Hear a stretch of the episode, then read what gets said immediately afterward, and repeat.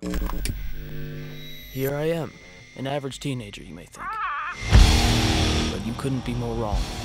I am the founder of Mayhem, the most infamous black metal band in the world. We are lords of chaos. Lords of Chaos var det ja. I det 53 avsnittet av C90-podden medverkar regissören Jonas Åkerlund för att prata om långfilmen Lords of Chaos om det norska black metal-bandet Mayhem. En historia baserad på sanningar och lögner om mord, självmord, kyrkobränder och musik. Har du fått uh, lite distans nu till filmen eller nu när det har gått ett tag sedan, drygt ett halvår eller något sånt va? Sen Alltså, alltså det är ju faktiskt mer. Vi gjorde ju Sundance för ett och ett halvt år. När vi gjorde Sundance hade filmen varit färdig i, i Mm. typ ett år. Men, men till skillnad från allt annat som jag gör så eh, är det ju meningen att den ska leva en stund. De, de flesta grejerna jag gör är ju inte meningen att de ska leva. De, de, de lever ju i ögonblicket och sen inte igen. Eh, Men eh, den här filmen har jag tänkt hela tiden att den, den får liksom lunka på i sin egen takt. Som jag sa, ett land i taget och liksom en screening i taget. Och nu, nu finns den ju liksom ute på streaming services och sådär. Så nu har den ju fått liksom ett större liv. Ja, jag såg den ju rätt nyligen på Telia Play. Ja men det är bra. Så, då finns det ju så i alla länder på något sätt. Och den kom ju på iTunes och Amazon i USA redan för ett halvår sedan eller något sånt där. Tyvärr så fick vi väldigt mycket piracy som, eh, som påverkade en del lite mindre länder som fortfarande ville ha eh, premiär då för bio. Som England, där satsade de ganska stort, 120 biografer, vilket är ganska bra för en sån liten film.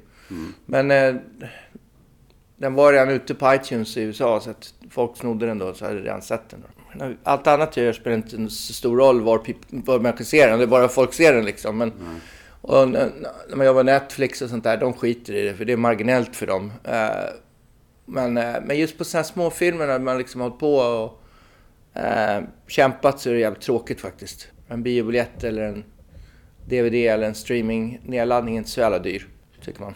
Men kände du när, när ni var ute på alla de här festivalerna och eh, var det någonting som folk hade hakat upp sig på som du tyckte var konstigt eller var det ungefär det bemötandet du förväntade dig? Alltså jag, jag var ju så... Redan från första screeningen då på Sundance så var jag...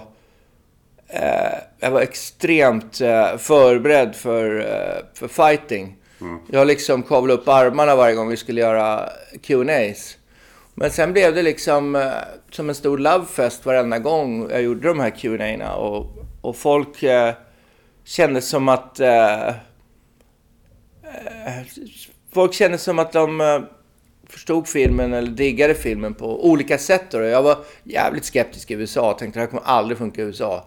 Amerikanare kan, har ingen riktig relation till den här historien och förstår den inte riktigt. Och, eh, ja, men, men jag hade fel. Det, det, det gick otroligt bra. Det, det mesta sådana här liksom skeptiska kommentarer, de har ju liksom figurerat i så här, eh, på- social media och sånt där med folk som är sura och sånt där. Men jag har inte riktigt stött på det i, i praktiken ute på fältet om man säger. Är det inte så att om man rör sig i den här genren, oavsett om man gör en film eller en skiva, så är det nästan omöjligt att det inte blir sådär? Den typen av reaktioner. Ja, nej men det hade jag räknat med i alla fall. Så det, det är allting är enligt förväntan. Så det, det enda som inte var förväntat var att filmen skulle gå så bra som den har gjort. Eh, jag visste ju att eh, det var många som ville se den och jag var väldigt nöjd med den. Men att, att den liksom skulle... Att den skulle göra en crossover till liksom en publik som inte kan någonting alls om den här historien och folk som är yngre som inte var födda då och sånt där. Det, det hade jag inte riktigt räknat med faktiskt. För inom rockkretsar och hårdrockskretsar är det ju känt, men det är ju ändå, för, för de allra flesta är det ju väldigt okänt, även om man kanske kommer ihåg att det var kyrkbränder. Liksom. Ja. Nej, men det är sant. Det, var, det är många som har minnen av de där nyhetsklippen, även i USA. Jag, men jag såg, första gången jag såg kyrkobränderna eh, från Norge var på CNN i USA, för jag var där. Så att, eh, det är väl bilder som etsar sig fast. Var det någonting som du tyckte att folk missade då i bemötandet? Eh, du tänkte att det här har de inte fattat, här har de inte förstått riktigt. Nej, inte direkt. Det, det, det är ju en film som är meningen att den ska beröra och, och då, då vet man ju inte riktigt... Eh, eh Alltså det är ju några givna saker eftersom det är en otäck historia och en jävligt sorglig historia. Så ville man ju att man skulle slå på de där emotionella trummorna emellanåt och eh, de extrema emellanåt. Och, och även eh, lägga till lite humor. Så det är en väldigt, det är en väldigt sån här upp och ner eh, liksom berg och dalbana känslomässigt att se filmen. Oavsett vad man tycker om den. Mm. Och eh, folk har väl kanske hanterat det mer eller mindre bättre då. då. Eh, eller förstått att det är en film till att börja med. Ja. Och inte en dokumentärfilm. Folk jämför den väldigt mycket med andra dokumentärfilmer och böcker som, som är gjorda på ämnet. Men, och jag börjar ju filmen med att skriva Based on truth and lies and what actually happened. Bara för att jag tänkte att det, det kan inte bli mycket tydligare än att säga så nu gör vi en film. Eh, men det är väl den stora, stora grejen att folk fortfarande liksom nästan tycker att det ska vara en dokumentärfilm då. då. Mm. Dokumentärfilmer är ju lika skruvade som långfilmer. De är, det finns ju alltid någon människas perspektiv i en dokumentärfilm, precis som det gör i en långfilm. Men, äh, men än en gång, det, det, är en historia som är så jävla känslig för så många människor. Och den var det, den var det för mig också. Inte ner det längre lika mycket. Men jag gick också runt och tänkte att det var min historia, att jag visste den bättre än alla andra. Och om någon nämnde den så blev jag nästan förelämpad sådär. Ni ska inte snacka om det här, det här vet jag bättre. Alltså det, jag var också sån. Och det är skitmånga som är såna fortfarande. Life was easy back then. It was all about having fun, drinking beer, playing hard and loud music. And then everything changed. I hereby appoint you bass player of Mayhem. We have to take this to the next level. You said it yourself. We should burn them all down. Sen är det ju massa detaljer i filmen som folk irriterar sig på också, men när de har fel, vilket är ganska kul för mig att läsa, för jag har ju sett bilder och pratat med folk som var där och sånt där, och det kan ju inte vara möjligt att en 16-åring i Oklahoma vet det bättre än mig vid det här laget då. Mm. Men eh, det är ganska kul ändå. För att, eh, eh, Black metal ska ju spekuleras och ska ju tyckas och ska ju liksom vara lite konstigt och hemligt och allt det där. Och om filmen är det också så är det okej okay med mig. Men kan det också vara att eftersom ni var så, la ner sånt otroligt bra arbete på detaljer, t-shirts, patchar. Att, att då på något sätt upplevs det ännu mer som en dokumentär så blir folk förvirrade när, när något som de inte... Ja, men jag tror folk är irriterade att inte de grejerna är fel. För de är så lätta att peka på. Ja. Så då måste man ge sig på andra saker. Eh, och då blir det lite svårare. Mm. så, så här, han hade ingen flickvän. Ja, för det första hade han det. För att jag har en polare som bodde med honom två veckor innan han dog. Som, mm. Och jag vet vem tjejen är. Men det är ju en sån där grej som eh, är lite svårare att prata om. Liksom. Ja, okej. Okay. Ja, då, då, får ni tro att han inte hade det. Bara för att det inte finns några bilder på det eller att någon har pratat om det så mm. behöver det inte betyda att det inte är sant. Liksom. Nu har jag ingen lust att gå in på detaljer. Det finns jävligt många. Det får bli en egen podd med Finn fem fel i Lords of Chaos-podden. Men, men det finns en del sådana här grejer som jag tycker är ganska kul för att eh, jag vet att de sanna och jag vet att flera av de som faktiskt var där blev överraskade med detaljer i filmen som inte riktigt är offentliga, som, som är med i filmen.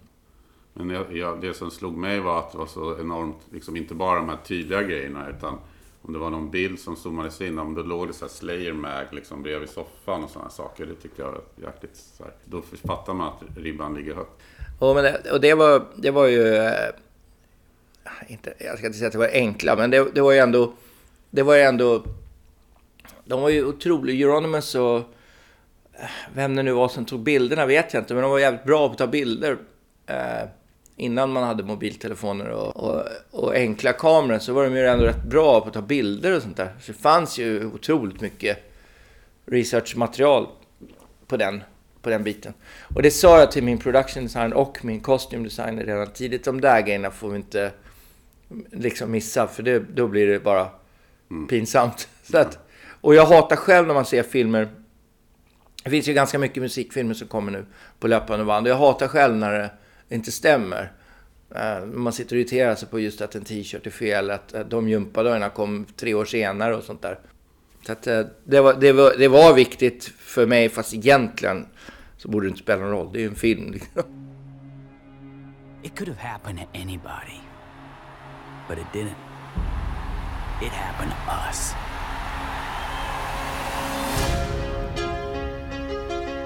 The new band is gonna be something nobody's ever seen before. En annan film som kom nu ungefär samma tidsserie som ändå är inom samma, på något sätt samma genre i The Dirt. Har du sett den? Ja, såklart. Vad, vad, tyckte, vad tyckte du då? Alltså, jag tyckte den var skitdålig. Jag tyckte den, eh, jag tyckte den var en, en eh, förlorad eh, Eh, möjlighet. Eh, för att, dels för att jag läste manuset många år, för många år sedan och tyckte att det var ett jävligt bra manus. Och tyckte att det är...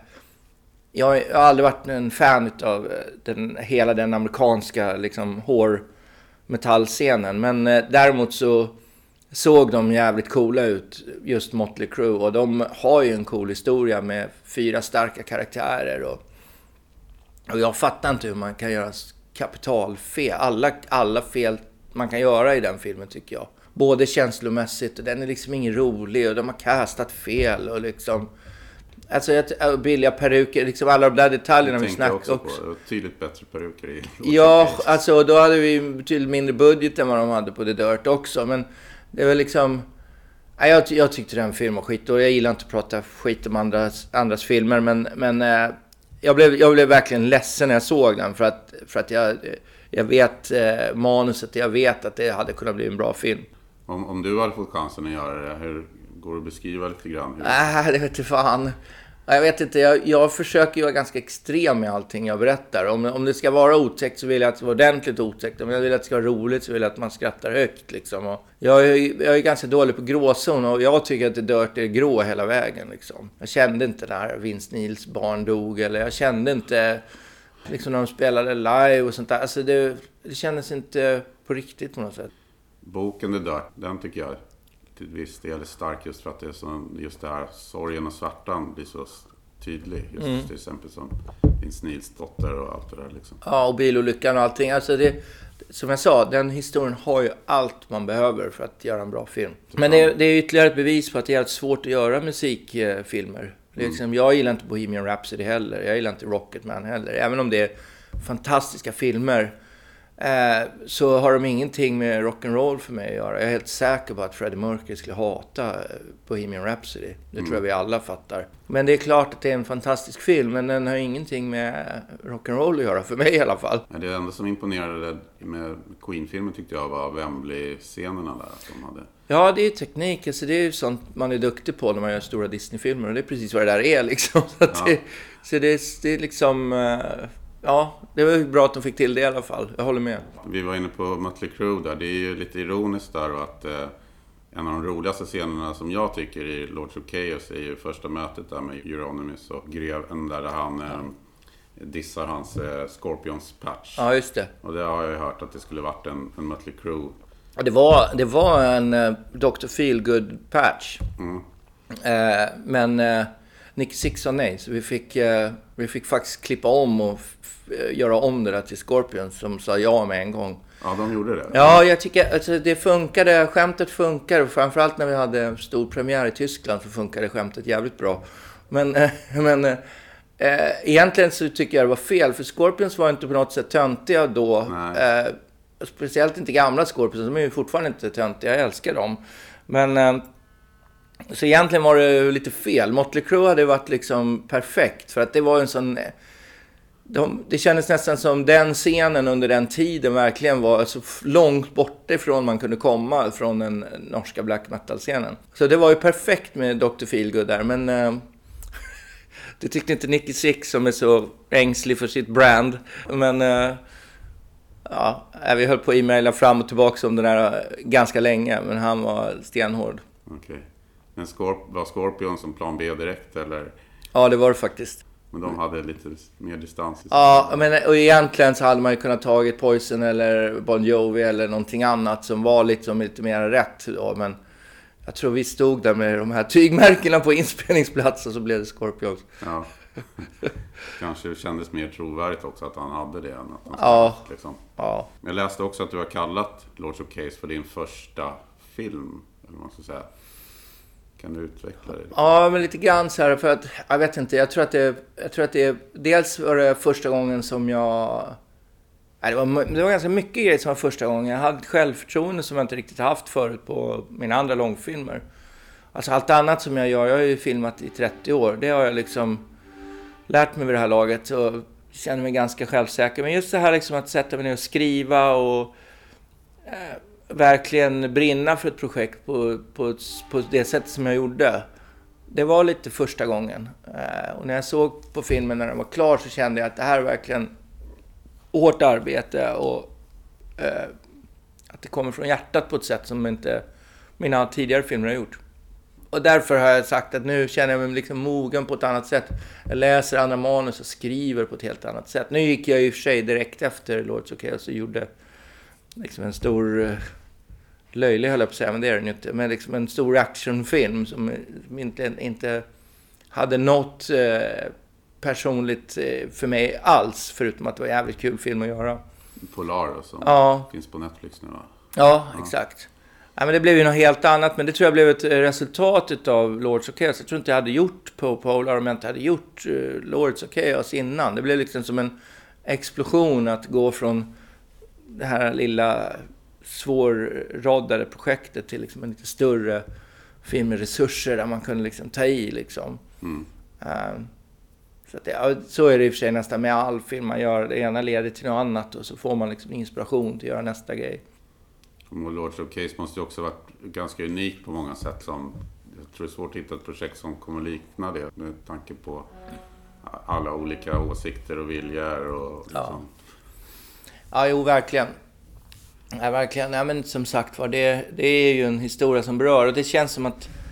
Jag har ju jag har ju funderat på Lords of Chaos så jävla länge, men nu när, jag, nu när den är gjord så är jag jävligt glad att jag inte gjorde den för 5 eller 10 eller 15 år sedan, utan att den det kändes som att den behövde lite, lite tid sådär.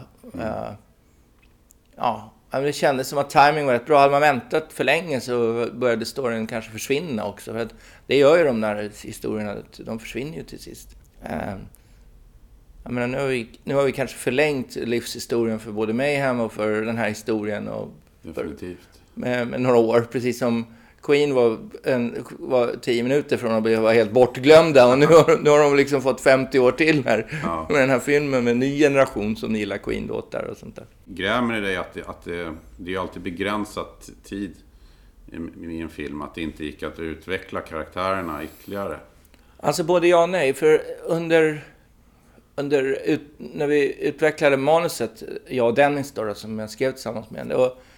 då, då var vi så otroligt måna om att alla karaktärerna i den här, eh, i den här Black Circle var liksom representerade och att det fanns liksom en vikt med deras bakgrund och allting annat som var viktigt under den här tiden. Um, och hade man haft mera tid så hade man ju absolut gjort det. Då hade man ju liksom haft en om man hade gjort en tv-serie till exempel, då hade kanske man gjort en hel episod om föräldrarna och en hel episod om Dark Throne eller eh, och polisundersökningen. Och, alltså man hade kunnat fördjupa sig på ett sätt som um, man inte hinner på. Eh, den filmen är ju under två timmar men, och det är ändå ganska långt för en långfilm. Men, så å ena sidan så hade jag gärna sett det och jag vet att det är massa andra förgreningar som eh, är värda att bli berättade. Men det som var bra var ju att eh, det tvingade mig att fokusera på de här tre, de här tre karaktärerna och deras relationer. Det blev ju... Det blev liksom, man, jag blev nästan inmålad i ett hörn och, och upptäckte sakta men säkert att det här är... Om jag måste välja mellan det här och det här så blev det det där. Och då blev det plötsligt till sist de här relationerna mellan först Dead och Euronymous och sen Euronymous och Varg. Det blev liksom de, det fokuset som jag var tvungen att ha. Men jag hade gärna sett, jag menar, alltså, alltså även efter, eh, även efter eh, mordet så i rättegången hade ju varit en bra episod också. För att det finns ju otroligt mycket att läsa om det. Uh, så kanske någon annan får göra. Jag är lite så här black metal out just nu, så jag, jag känner att någon annan får göra det. Men det, jag, jag skulle gärna höra mer om det, så att säga. Det intrycket jag fick när jag såg filmen är att man får ju känna, lära känna de tre då, huvudkaraktärerna genom handlandet i filmen istället för att det är som tillbakablickar eller, ja det är väl Pelle då lite, Pelle mm. Där mm. man får lite bakgrund till hans uppväxt och sådär. Ja. Var det ett beslut som du tog eller blev det bara så? Liksom? Ja, det blev lite så. Alltså, och som sagt var, jag hade ju all, allting annat. Eh, jag, det, det fanns versioner och eh, research gjord på, som jag sa, föräldrar och liksom allt det där. Vi hade ju allt det där. Men det, det hade ju inte varit svårt att skriva ett manus som var liksom 3, 4, 500 Nej. sidor långt. Det hade det ju inte varit egentligen. Och hela den kopplingen till Sverige och, och hoten eh, med, till svenska band. Och ja, vi nämner ju det där liksom. Fast det, det, var ju också, det skulle ju också kunna blivit en hel episod. Och, och, eh, och, den svenska polisundersökningen som var ganska omfattande, det hade ju också blivit en, en, en episod om man skulle börja tänka så. Ja, just det, med mordbrand och ja. försök. Ja, ja. Det fanns ju hur mycket som helst där egentligen. Verkligen. Ja. Men hade du hellre gjort en tv-serie om du hade fått välja? Alltså nu är jag så nöjd med filmen som den är och känner att, jag, att, att mitt mission, mission accomplished. Så att jag, jag vill nog inte ändra på någonting egentligen. Men... Uh, nej, jag tror faktiskt inte det. Det är, det, är en, det är en jävligt skön film att se på bio också om man får chansen att göra det. Så att se den stort tillsammans med folk och känna energin inne i rummet, det är för mig någonting som inte jag är van vid. För jag har ju, jag har ju liksom fyra miljarder hits på YouTube, men jag har ju aldrig suttit bredvid någon som kollar på mina grejer, typ någonsin. Nej. Så att varje gång jag får chansen att göra en biofilm och sitta i publiken och, och känna den där energin så, så gör, jag, gör jag gärna det. Ja, det måste ju vara... Jag tänkte bara på den Metallica-videon som, som gjordes med klipp från filmen. Mm. Eh, vilken låt var det nu igen? Man Unkind. Just det. Den har ju något så här ja, vad var det, 12 miljoner tittare eller något sånt där. Så att det är, ja. man ser då alla som har sett den egentligen så är det en enorm mängd mot som än så länge har sett filmen. Liksom. Just det. Så det är lite lustigt egentligen. För ja. den är ju bara en, kan jag tänka mig, ja men den är väl gjord lite mer som en axelryckning om man jämför med filmen. Ja liksom. visst. visst. Nej, men jag är van att göra, som jag har turen att jobba med artister som, som har en publik så jag är ganska van vid att få vi brukar ju liksom tycka att allt under 10 miljoner är en failure liksom. Helt skruvad värld. Men för vi har ju, vi har ju som, jag, som jag sa, det är artister som, ja, som har en publik och som vill göra bra grejer och liksom går all in. Så då, då, då är det ju kul när folk ser på det. Det måste ju nästan vara svårt att ta in att det är så. Det är sådana enorma mängder som ser det man har gjort. Då. Ja, nej, men jag brukar, jag går ju alltid vidare men liksom, jag är ju alltid på nästa projekt hela tiden. Så att jag tittar inte tillbaka så himla mycket. Det är, det är alltid spännande just den dagen någonting kommer ut som man har gjort. Men sen är man liksom, sen är man liksom på nästa grej i alla fall liksom. Eh, så jag, mina projekt överlappar ju alltid varandra. Men det var någon som sa till mig alldeles nyligen att jag har fyra miljarder hits på YouTube. Och då, då började man ju förstås tänka att det är, det är rätt bra. ja.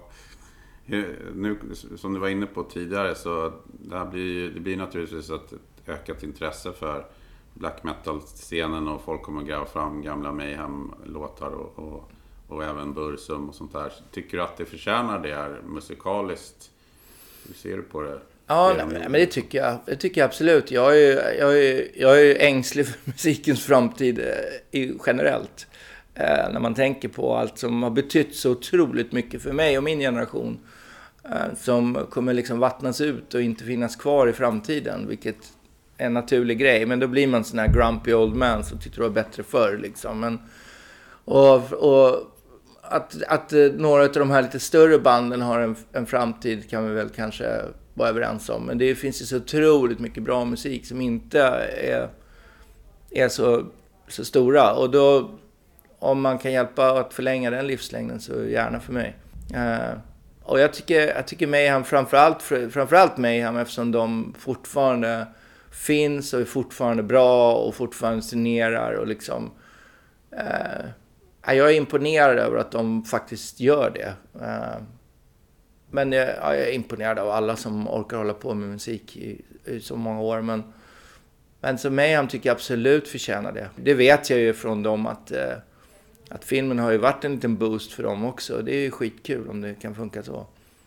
För vad man än eh, kan tycka om det och många kanske ser det bara som vrål och sådär, alltså folk som inte är insatta alls. Men någonstans måste man ändå se det som ett, ett konst konstnärligt uttryck. Absolut. Nej, men absolut. Jag måste säga att, eh, att jobba med Lords of Chaos gav mig en liten sån här en liten ny kick på extremmetall för att jag... Alltså jag har alltid diggat och alltid haft respekt för det, men jag tror att att jobba med filmen, det blev liksom en ny nivå för mig. Eh, jag lyssnade mycket på det och liksom kom in i det. Det känns som att black metal är lite så här som opera. Man måste lyssna väldigt mycket på det och sen börjar man liksom förstå det. Um, och, och ha respekt för det. Så att, nej, men det har varit kul att jobba med, med filmen i den aspekten. Att liksom musiken har, för mig, fått ett nytt liv också. Var det någon gång du släppte projektet helt och kände att det kommer inte bli Ja, alltså det var det ju genom åren. Men när jag tog, när vi, när vi, när vi började skriva, då bestämde vi oss för att nu ska vi gå all in. Eh, innan dess så var det massa sådana här, att man gjorde massa möten och satt och visade bilder och blev liksom utslängd från möten när man kom bilder i Los Angeles på, på kyrkobränder och korpsmakeup och sånt där. Men där folk liksom inte hajade någonting. Men när vi började skriva då var det så här, nu gör vi den här filmen vad som än händer och sen så gör man den för en lägre budget, vilket är ett bra sätt att få göra som man vill. Ju högre budgeten är, ju mindre får man göra som man vill. Um, och då, då, var jag så här, nu gör vi den så absolut så billigt som det går så att vi, utan att vara missnöjda med filmen, men så vi kan bibehålla så mycket integritet som vi, som vi kan liksom. Jag tycker att ni lyckades väldigt bra med castingen. Mm. Var den svår eller? Ja, den var ganska svår. Eh, ja, men den var, den var faktiskt jävligt svår. Eh, jag hade ju ögonen på massa unga pojkar i den åldern som eh, jag vet är duktiga skådisar. Eh, och, men sen var det, alla ville spela varg. Eh, okay. Liksom, The Bad Villain var liksom enklare att få intresse. Men sen var det Euronymous rollen som Rory liksom hookade på ganska tidigt. Och jag var orolig att han skulle liksom bli äldre, för att de var ju så unga i, i filmen. Om det tar liksom fem år att göra en, en film och man är liksom det, ja. 20 när man får rollen och sen kanske man ser helt annorlunda ut när man är 25. Du vet hur, det, hur man kan ändras liksom. Ja. Men Rory, han, han är nu han ju 28 och ser fortfarande ut som, som en 14-åring i ansiktet. Så det var ju tur för mig. Men, äh, men hans intresse var äh, inspirerande för mig. Alltså att, att han verkligen gick in i, i Euronymous-rollen tidigt. Mm. Uh, och sen var det liksom att försöka hitta någon form av chemistry mellan, någon form av kemi mellan alla de här uh, karaktärerna. Och vi var ju väldigt noggranna med de här andra birollerna också som sen blev mindre och mindre viktiga i, i filmen. Men uh, allt från liksom Metallion till Occultus och Fenris och alla de där. Vi var ju sjukt sjuk, sjuk noggranna med att de skulle vara välkastade också. Nu när de är nästan borta i filmen, men de figurerar ju liksom i bakgrunden. Men just Euronymous var väl nyckeln lite grann, att han fattade. För att det, där har ju fler bottnar på något sätt kanske än vad det har. Ja, ja men det blir, det blir en annan form av beskrivning också. Det blir en annan diskussion om man pratar med skådespelare. Eh, än vad det kanske är om du och jag sitter och snackar black metal. Men för honom var det så jäkla mycket om att hitta detaljer och hitta någon mening med det och försöka förstå. Det var ju, det är svårt att förstå, men det fanns ju några inspelningar och mycket bilder och sånt där. Men, så till sist blev det ju liksom våran tolkning av Euronymous som, uh, som, som, blev, som blev hans Euronymous. Men jag tycker också att, att den funkar jävligt bra. Jag fick ett samtal från en, eh, en kille i Norge som eh, alldeles nyligen som ringde, jagade ner mig och så säger han att han var en av Euronymous bästa polare. Han var inte del av black metal-världen alls. Men han växte upp med Euronymous och var polare med honom eh, hela livet till han dog.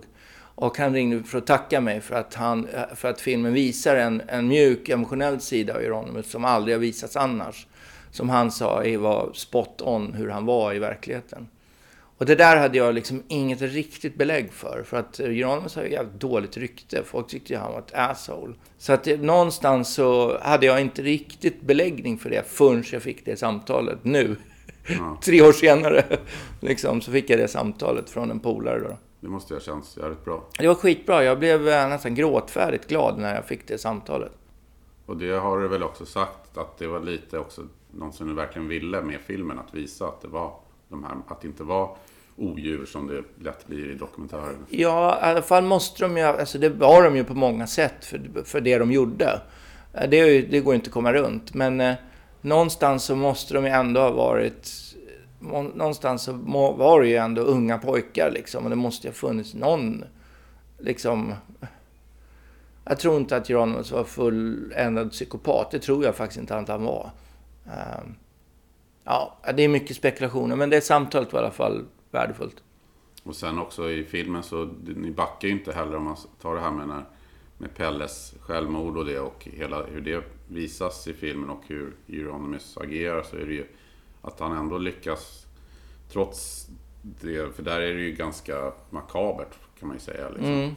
Eh, få fram de här sidorna så att, ja, men så att du får det där samtalet. Det är ju, det är ju vis, tycker jag, är ganska Ja. bra bevis på att han gjort ett bra jobb. Ja, men det, och det är en av de svåraste grejerna man har när man gör den här typen av film också. Det är att man ska bygga någon form av sympati för folk som gör jävligt dumma grejer. Det är skitsvårt. Ja, men jag sa ju någon gång i någon intervju att det är svårt att göra en film om idioter. Och jag menar inte liksom eh, idioter på det sättet. Jag menar att de gjorde ju jävligt dumma grejer. Och i filmen så var det viktigt att ha den här sympatin.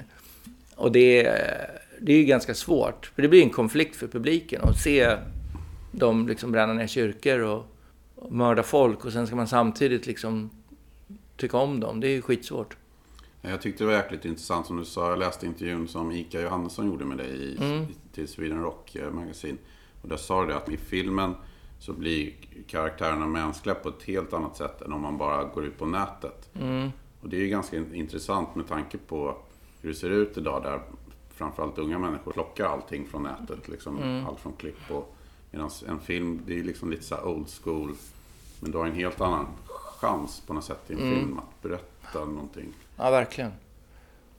Ja, men det var ju lite det som var mitt eh, säljargument. eh, Eller min förklaring till framförallt Euronymous föräldrar och även eh, Pelles bror Anders. Så var det, vi pratade ju väldigt mycket om, om den biten. Att liksom om man googlar det här nu så det första som dyker upp är ju dels de här bilderna med kyrkobränder och corpse makeup och allt det där. Och sen så, så står det ju bara om de är beskrivna som demoner. Och, och det var väl en av de grejerna. Så varför ska den här filmen göras överhuvudtaget? De här dokumentärerna och böckerna finns ju redan. Och men det var den enda grejen som inte har varit berättad tidigare var ju just den här påminna folk om att de kom från ganska bra förhållanden och var jävligt unga och att de var människor. Det är, det är ju det enda som inte är berättat redan så att säga.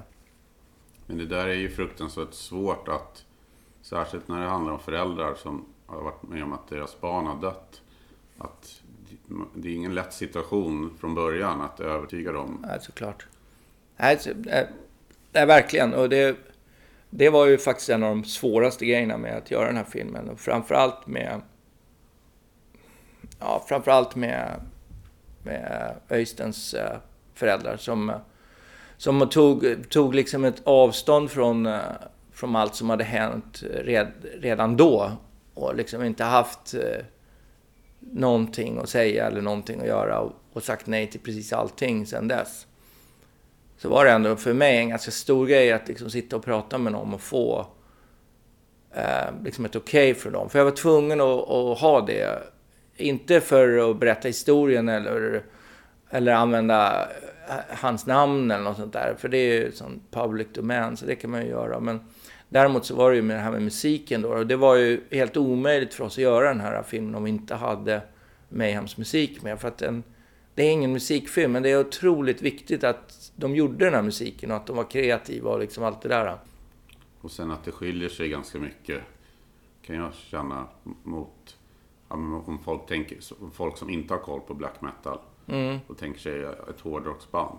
Det är konstigt att göra en film om Mayhem och så har man inte musiken med. Ja, liksom. det ju skitkonstigt. Alltså, ja, det är möjligt att man hade kunnat gjort en variant utan musiken som var ännu mer fokuserad på personerna. Men för mig, framförallt i första akten av, av, av filmen, när de liksom eh, står i replokalen och försöker hitta sitt sound och liksom är ganska dåliga på att spela och liksom de ritar sin logga och liksom... För den, eh, del av, det är en del i filmen som jag kan identifiera mig med, för vi höll på likadant. Det stod i någon sån här träpanelskällare och med, med instrument och försökte få ihop det liksom. Men hade någon dröm om Madison Square Garden liksom. Ja, ja, med Bathory. det. Ja, b- inte bara med Bathory utan typ alla band som jag var med i. När man liksom stod där med några mina trummor och, och försökte liksom lista ut hur man skulle göra. Och den delen kändes, tyckte jag kändes väldigt viktig i filmen. Och då var jag tvungen att ha musiken. Och sen är det ju liksom ingen musik på ganska länge förrän lite senare i filmen när, man, när de spelar i en studio med Attila då som sjunger. När de plötsligt är skitbra på att lira. Man, och då förstår man att okej, okay, nu har de liksom lirat mycket. Nu är de plötsligt jävligt bra liksom. Men det var väl lite så det, alltså det är väl lite spot on? Ja, absolut. Ja. Absolut. Det, absolut. Det var ju så. Sen blev de ju lite bättre. De fick en bättre trummis. De liksom hittade sitt sound. Och liksom, så det, det var ju helt korrekt. I don't get it. You want to have the cathedral on the cover, but you don't want to blow it up. It's just an album cover. No, it's not just an album cover. You have Fantoft on the cover of Aska. You even included matches. That was a call to action. Use the matches to burn down a church, like I did. Come on, Christian. My name is Varg. We're in this together. We want the same thing. We do? Yeah. In that case, let's get some fucking dynamite. You guys coming? Let's blow this up. Alltså jag kan, prata, jag kan prata egentligen hur länge som helst om Lords of Chaos. För ja. att det, dels för att det är kul att prata om den, eh, om allt som hände. Och I konversation med folk så dyker det upp grejer hela tiden. Fortfarande som är så här, fan det skulle jag ju haft med i filmen. Eller liksom den grejen. Alltså det känns som ett så här helt outtömligt ämne. Ja, du vet, det, det finns ju hur mycket som helst att prata om med den filmen. Eller den historien. Men, ja, men sen, och sen vill ju alla prata om att varje sur och sådana grejer. Men det har jag, jag bestämt för att inte prata så mycket om det. Det är mm. som det är liksom. Och förväntat förstås.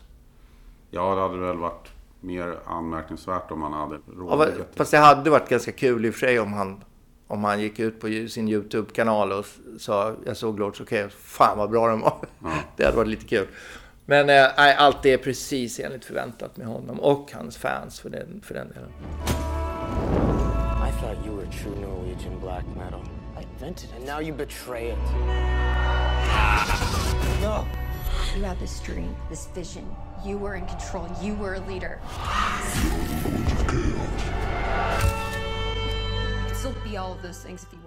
Men kan du känna ansvar lite grann? Du säger att du är lite orolig för utvecklingen av musiken. Att om det, om det kommer unga, nya band, att lyfta fram dem. Förstår du vad jag menar? Att ja, men här, det här har vi några unga killar som har fattat det liksom. Uh, ja, det, det, det som jag tycker är jobbigt är att det finns inte så jävla många nya unga killar. Och det finns inte så många nya band. Det kanske gör som är utanför min eh, radar. Men, men jag brukar alltid fundera på vilka, vilka det är som ska liksom ta över. Mm. Liksom vartefter de här namnen som står överst på på festivalaffischerna. Vartefter de försvinner, ska de här som står under poppa upp då? De är ju inte i närheten lika bra. Ja, det ska vara Ghost då, då som, som kan ta den, den platsen. Men det är jävligt svårt att se vilka som ska ersätta de här toppnamnen på festivalaffischerna om, om fem till tio år när de alla är borta. Liksom. Alltså, det gäller inte bara metallvärlden, det gäller ju musik rent generellt. Alltså. Jag hörde att, musik, nej, jag hörde att musikinstrumentförsäljningen i USA har gått ner med 40 procent de sista tre åren. Det är inte så bra. Men också att det finns någon slags, jag vet inte om det är just för hårdrocken, men att nostalgi, eh, nostalgins makt är ju väldigt stark. Mm. Och många i vår ålder har ju, de har ju alla sina band klara redan. De behöver inte, det känns som de tycker inte att de behöver upptäcka nya band. Liksom. Ja. Att de, det fanns så mycket och gjorde så mycket bra. Liksom, när, Verkligen. Som, eh, jag har förstått att du är väl en eh, new wave och British heavy metal-fan? Ja, någon, kanske. Jag, jag, jag gillar ju väldigt mycket 70-tals gubbrock. Men, och framförallt Sabbath som mina husgudar har alltid varit. Men, men liksom min era som jag eh, liksom växte upp med och, och var där. Jag hade turen att bo i London under, under det som jag tycker var mina liksom golden years. Som var liksom 82, 83, 84, ända in i 85. Liksom, där det var, där allting som jag diggar hände liksom. Det var ju otroligt mycket bra som... Ja, det var skitbra. Det var så tillgängligt också. Det var liksom bara att gå ner på Marquee eller på något av de här härliga ställena och så var det liksom liksom den första gången Maiden började hända och första gången Samson och Diamond Head och Angel Witch och Marillion och alla de där banden som liksom föddes ur den tiden. Eh, jag har alltid varit så jävla glad att jag liksom var där under den tiden och inte någon annanstans. Sverige hade ju så jävla bra koll, så att här hemma hade ju alla mina polare lika bra koll som... Men att man liksom inte var i Los Angeles under den tiden, även om det var säkert skitkul partys då. Men, men uh, mus, musik, musikmässigt så var, ju, var jag på helt rätt plats känner jag. Det var ju också innan eh, det blev för styrt av liksom MTV och Ja, hela den där grejen. allt var bättre innan MTV. Ja. Och innan internet. Nej, det, nu, nu låter jag riktigt surgubbe, men det, så var det inte. Men det var en magisk tid i alla fall. Och, och vara svensk var också grymt eftersom alla kom hit hela tiden. Varje år så fick man ju liksom se Lizzy och Quo, Status Quo och, och, och liksom Motorhead. Och alla kom, de kom ju en gång om året och Rainbow liksom. Det var ju... Det tog man nästan för givet till sist. Att, jag vet inte hur gammal du är, du är förstås yngre än vad jag är. Men, 71, ja. Ja, men eh, att det, det var ju en magisk tid då. Det var ju liksom varje år så kom ju alla liksom. Och innan dess också, nu var jag tyvärr för ung, men liksom Sweet och Slade och liksom alla de som, som man diggade, de kom ju alltid hit och spelade. Nej, jag tänker mycket på det. Och jag, jag är, som du säger, nos- nostalgivärdet är ju högt på det där. Och det, är inte, det är inte helt ovanligt att jag står med mina polare från då och pratar om detaljer och liksom lyssnar på musiken. Och, alltså det, för mig har det betytt skitmycket hela den tiden. Det, men det var ju några år när det var helt borta. Mm. När det liksom folk skämtade om Judas Priest och så här, Mm. vet, de här uh, indie-rockbanden som kom Ja. och hade ironiskt så här, uh, hårdrockströjor. Ja, Och då var det väl liksom, när typ, vi var och såg Dio spela ute i Åkersberga på Fregatten. Liksom. Ja, jag vet. Och det var ändå Ronny James Dio. Ja. Det är så här, fan, det är inte klokt. Men sen, det var väl bara några år, sen kom det ju igång igen. Ja, men jag kommer ihåg det, men det, det, det, under den perioden hade jag börjat jobba med film då. då. Eh, så att mitt fokus var ju på det, men jag kommer ihåg det. Och jag, jag vet fan, jag var aldrig någon riktig fan av grunge och liksom allt det där som tog över. Liksom. Det var inte, inte ens Guns N' Roses faktiskt. Det var liksom inte min kopp med te heller egentligen. Eh, jag sa på fyllan till någon häromdagen att om jag aldrig hör Guns N' Roses igen i hela mitt liv så kommer jag inte vara ledsen för det.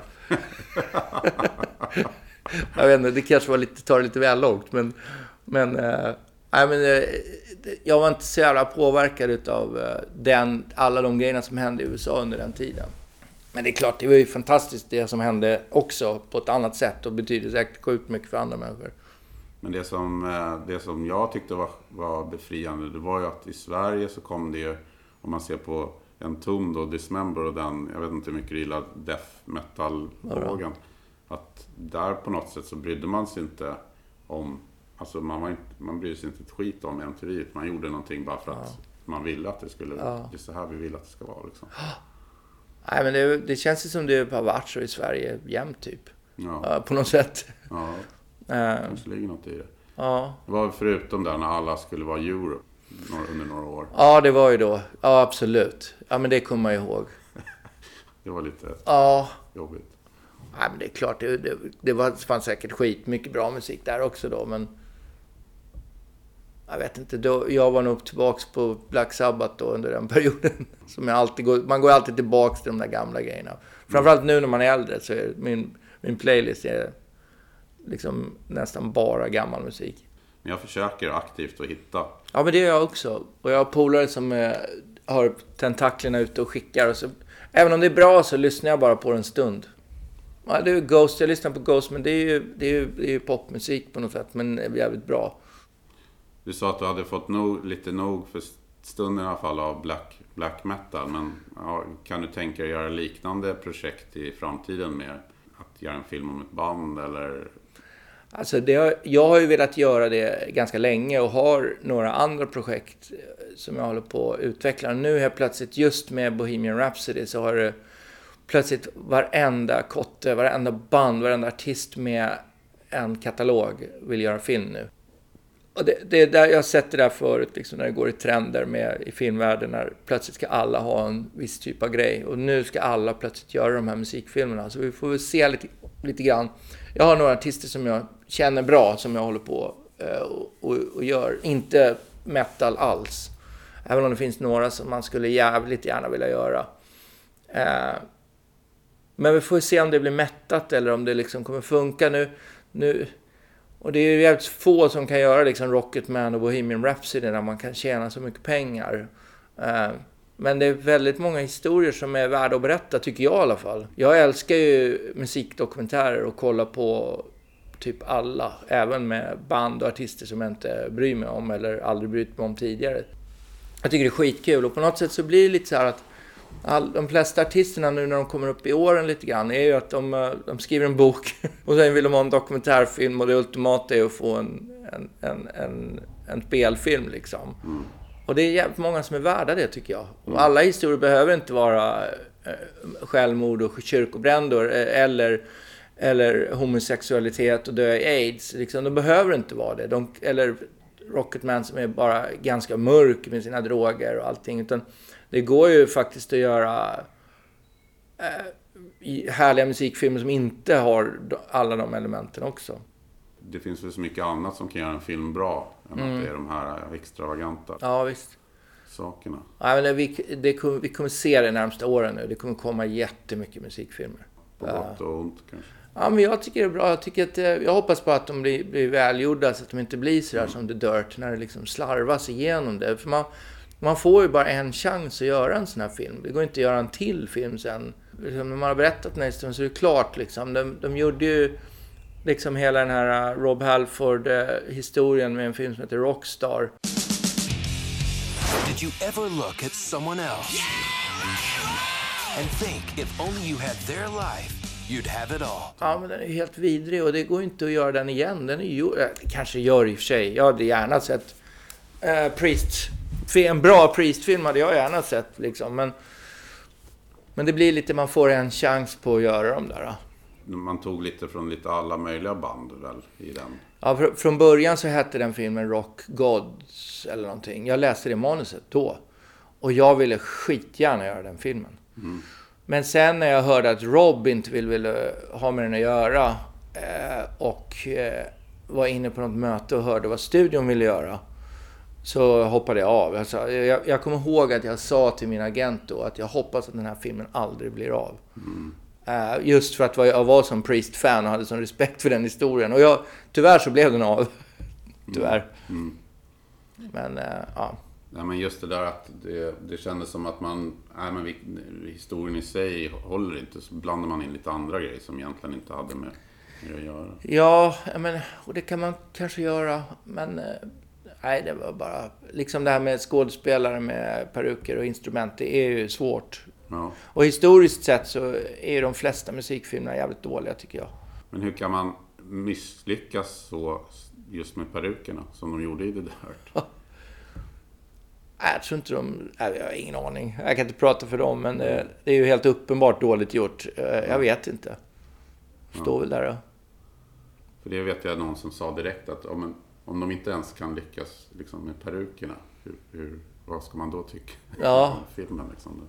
Ja, men som jag sa, just under den perioden så det, det som, det som Motley Crue verkligen hade, Eh, som vi alla blev tagna av, det var att de såg så jävla coola ut. Mm. Jag menar, två, tre första plattorna såg de ju helt fruktansvärt coola ut. Och det gör de ju inte i filmen. Nej, det är ju liksom, där karisman är ju borta på något sätt. Liksom. verkligen. Det, det, det, känns ju som att det borde, som film har chansen egentligen att, att det ska gå åt andra hållet. Verkligen. Kan du säga någonting om vad du kommer göra den närmsta tiden? Äh, alltså just nu så håller jag på och skriver massa grejer och uh, jag gick, efter Polar så gick jag tillbaka och har gjort massa musikvideos. Och, eller inte massa, jag har gjort lite musikvideos och massa reklamfilmer. Uh, men jag, jag har väl lite bestämt mig för att jag ska fokusera lite mer på längre projekt. Det har aldrig varit mitt fokus tidigare, utan mitt fokus har varit att liksom göra så mycket olika grejer som möjligt. Och, mm. Så att nu har jag, jag har lite mer ett annat fokus nu än vad jag haft tidigare. Så jag, uh, jag sitter och skriver på Alltså det tråkiga med de här projekten är att man kan jobba helt hårt med dem så blir de inte av. Så det är aldrig så kul att prata om dem innan man vet att de blir av. Nej, men, äh, jag jobbar med en dokumentärfilm just nu. Äh, om en artist. Och jag gör en... Sitter och skriver ett långfilmsmanus och jobbar på eventuellt en tv-serie också. Äh, jag har inte gjort så mycket tv. Men det är... det är ganska det är ett otroligt bra format om man vill ha mycket att säga och liksom kan fördjupa sig i saker. Då är det ett perfekt format. Jag såg eh, Tjernobyl, första avsnittet där. Den lovade ju gott ju. Ja, verkligen. Johan Renck som... Ja, Ni har väl jobbat en del? ja visst. Ja, men vi är ju bästisar. Men, ja, men den är ju verkligen fantastisk. Han har ju till skillnad från mig gjort fullt fokus på TV. Han har ju gjort TV nu länge och blivit jävligt duktig på det. Och, eh, ja, men Tjernobyl tycker jag är det bästa han har gjort. Den är skitbra. Det är ingen solskenshistoria direkt, men, Nej. men den är jävligt välgjord. Nej, men får man ändå liksom intressanta karaktärer och sådär så, Visst. så Ljus i det på något sätt. Mm, absolut. Nej, men då får jag säga stort tack Jonas att du Ja, med. schysst. Enligt Det blir mycket filmsnack, inte så mycket musiksnack. Men, Ja, du hade Okej. hoppats på mer musik. ja, men det, vi tar det nästa gång. Ja, det gör vi. Ja. No, fuck. Stop this sentimental shit. Stop. There's nothing sad about my death or my life. I'm Euronymous, founder of Mayhem, the most infamous black metal band in the world. I had my own record store, I had my own record label. I created a whole new musical genre true Norwegian black metal. And I created Mayhem. What the fuck have you done lately? Poser.